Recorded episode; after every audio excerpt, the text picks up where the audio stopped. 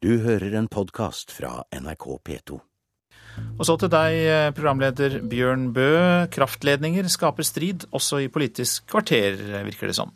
Bra eller feil med sjøkabler til Tyskland og Storbritannia? Det er spørsmålet. Og i Rio framstår en ny verdensorden.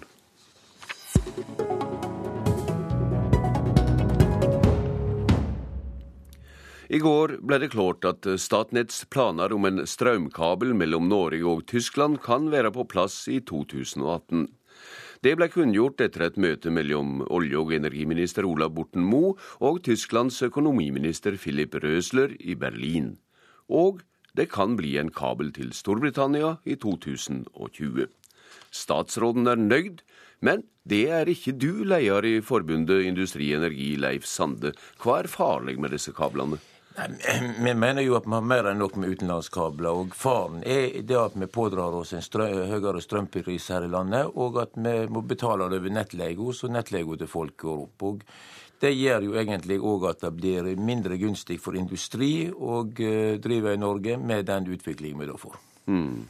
Ledelsen i Olje- og energidepartementet kunne ikke være med her, men Administrerende direktør i Energi Norge, Oluf Ulseth, du representerer energiindustrien i Norge og sendte ut ei jubelmelding i går. Hvorfor tar Leif Sande feil? Ja, vi jubler sammen med miljøbevegelsen og mange over at flere kabler det bidrar til eh, sikker strømforsyning, bedre klima og grønn vekst. Og der vi er uenige, er vel at uh, viktigste effekten er jo at vi eh, sikrer oss forsyningen. Hvis vi ser på de to siste vintrene, i fjor vinter og året før, så hadde vi veldig tørre og kalde vintre. Da hadde vi behov for import. Eh, kabler gir muligheten for å selge når det passer, og kjøpe når det passer. Vi trenger å importere når det er kaldt og tørt i Norge. Hadde vi ikke hatt de kablene vi allerede har, eh, så hadde det vært eh, håret før det ble svart. Eh, dette bidrar til å sikre eh, forsyningen. Men men det er vel rett eh, det Summe påstår, at mer kraftutveksling kan øke vår heimlige bruk av urein kålkraft fra kontinentet, og dermed trygge klimamoralen? Nei, tvert om. Altså, når miljøbevegelsen også støtter dette, så er jo det fordi de ser, som oss, at tettere kobling til de europeiske markedene det gir muligheten til å bruke en fleksibel vannkraft som en del av et europeisk kraftsystem. Eh, så det både bidrar til å jevne ut prisene for norske forbrukere. Det gjør at de blir ikke så høye som vi har sett på det høyeste, og de blir ikke så lave som vi har sett på det laveste. Eh, det er den viktigste effekten. Eh, det bidrar til at både vi og landet rundt oss kan bygge ut mer fornybar energi. Og gjennom det så ligger det verdiskaping for egentlig i hele landet. Og det siste er jo til denne ideen om at dette er i strid med industriens interesser. Altså det er ikke motsetning mellom flere kabler og industriutvikling i Norge. Leif Sande, dersom kablene kan utløse mer grønn verdiskaping i Norge, er kanskje det bra for dine arbeidstakere også? Nei, jeg tror ikke det vil skje. Det, altså, det, er ikke kablene som utløser grønn verdiskap. Vi har faktisk den mest grønne energiproduksjonen i hele verden. Og vi produserer grønn energi med vannkraft til den laveste kostnaden i verden. Altså, og Hvis du da legger den norske strømmarkedet inn i en europeisk strømmarked med masse høyere, langt høyere priser, så er det bare én konsekvens av det, og det er at prisene i Norge går opp. Så forstår jeg jo selvsagt at Energi Norge er interessert i dette, for dette tjener jo absolutt alle medlemmene deres.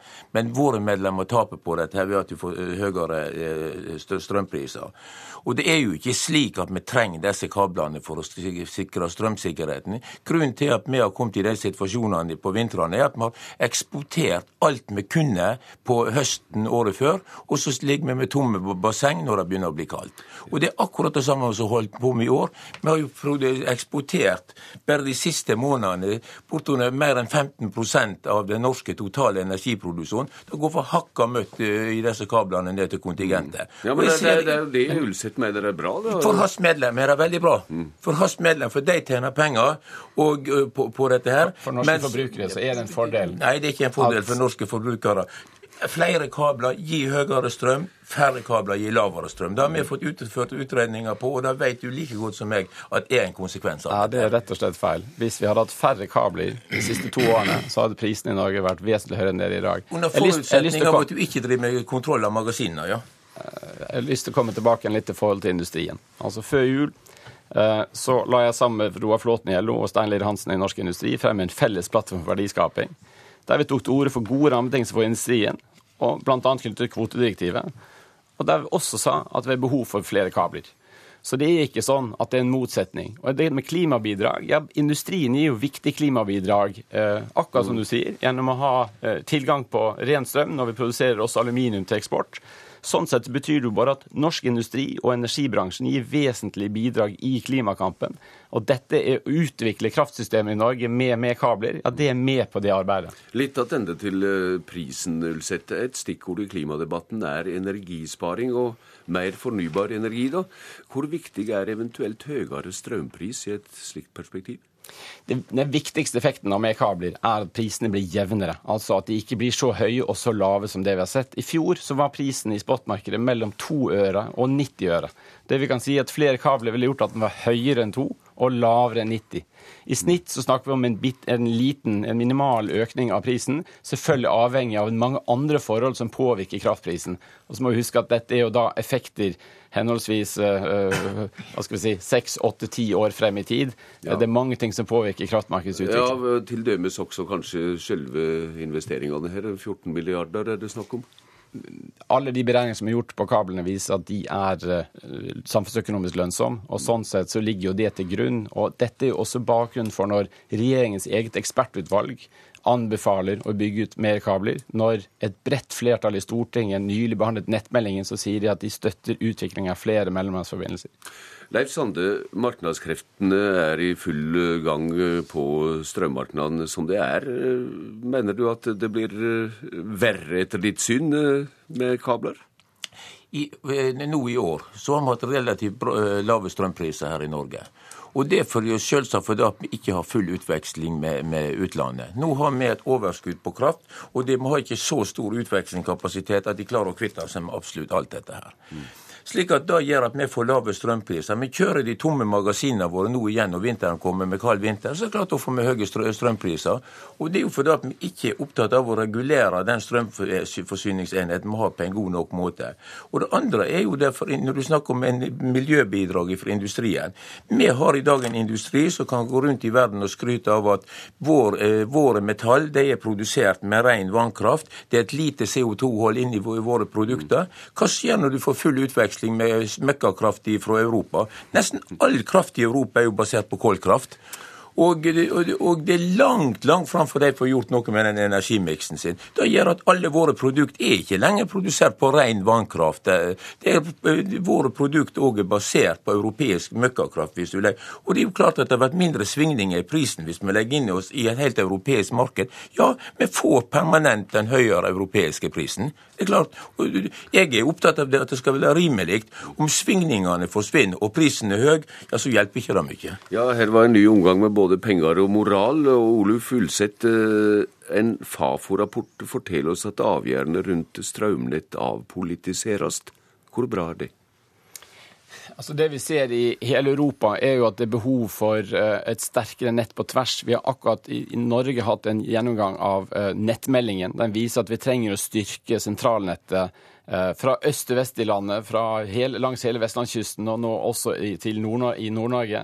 Dette er dermed ikke bare spørsmål om kobling til landet rundt oss. Det er snakk om hvordan skal vi greie å bygge strømnettet for fremtidens klimavennlige energisystem. Utenlandskabler inngår som en naturlig del av det og bidrar til å øke forsyningssikkerheten, bedre klima og legge, grunn, legge grunner for grønn verdiskaping. Leif Sande, hva er det du mener politikken burde gjøre annerledes? Jeg, burde, jeg mener at i Norge så burde vi ha som politikk at vi burde hatt noe bein å stå på utenom oljeindustrien. Vi organiserer folk i oljeindustrien, og det er veldig bra den, det den gjør oss. Men i dagens samfunn så blir mer og mer av det som er lønnsomt, ting som er oljeindustri, som leverer til oljeindustri, som leverer til det som er oljeindustrien. Den nest største eksportnæringen i Norge, og som vi har fantastisk kompetanse på, det er metallurgi. Skal vi ha den industrien til å overleve i Norge, som da beina står på, så er vi avhengig av konkurransedyktige strømpriser.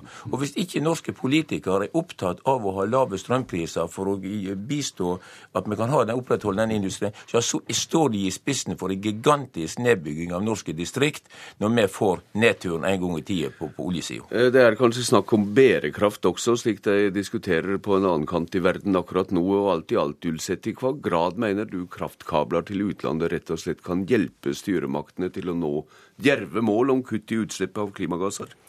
Vi tror at dette er et viktig bidrag for uh, klimaet. Det bidrar til uh, å kunne utveksle, uh, og det er også et økonomisk element i dette. Vi kan selge når det er dyrt, og kjøpe når det er billig. Det bidrar også til mer fornybar energi i landet rundt oss. Men når ikke lenger i denne omgang. Takk til deg, Ole Fulseth, og til Leif Sande.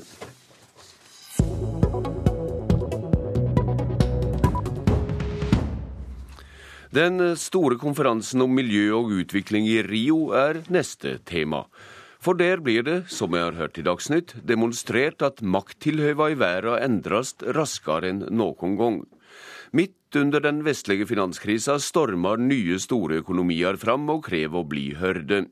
Dermed blir det vanskeligere å komme til semje om store internasjonale spørsmål. Dette har vært sterkt synlig under Rio-tingingene om bærekraftig utvikling, og det kom billedlig til syne da statslederne på møtet skulle fotograferes. Fotografen dirigerer.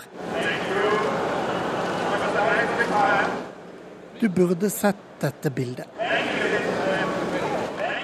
130 drakter og dresser med statsledere.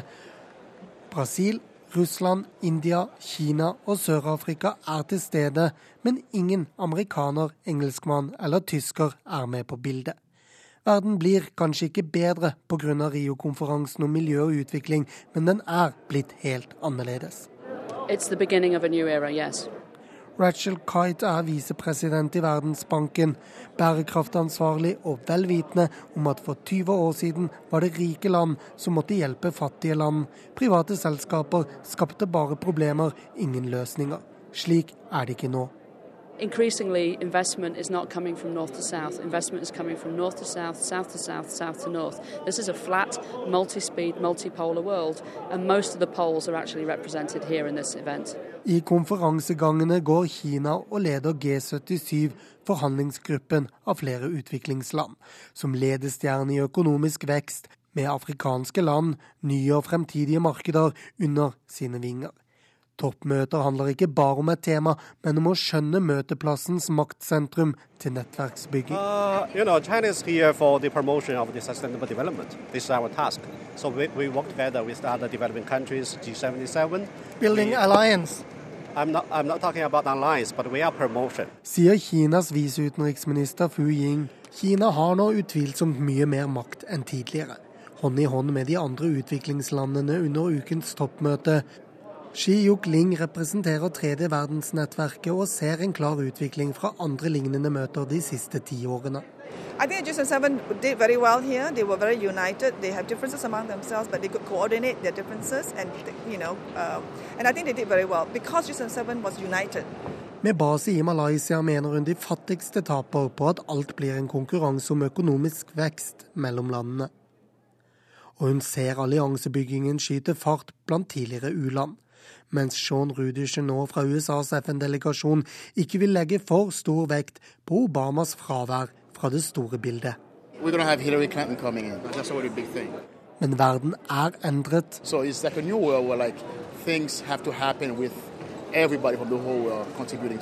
For når flere krever å bli hørt, blir internasjonal enighet vanskeligere enn noen gang.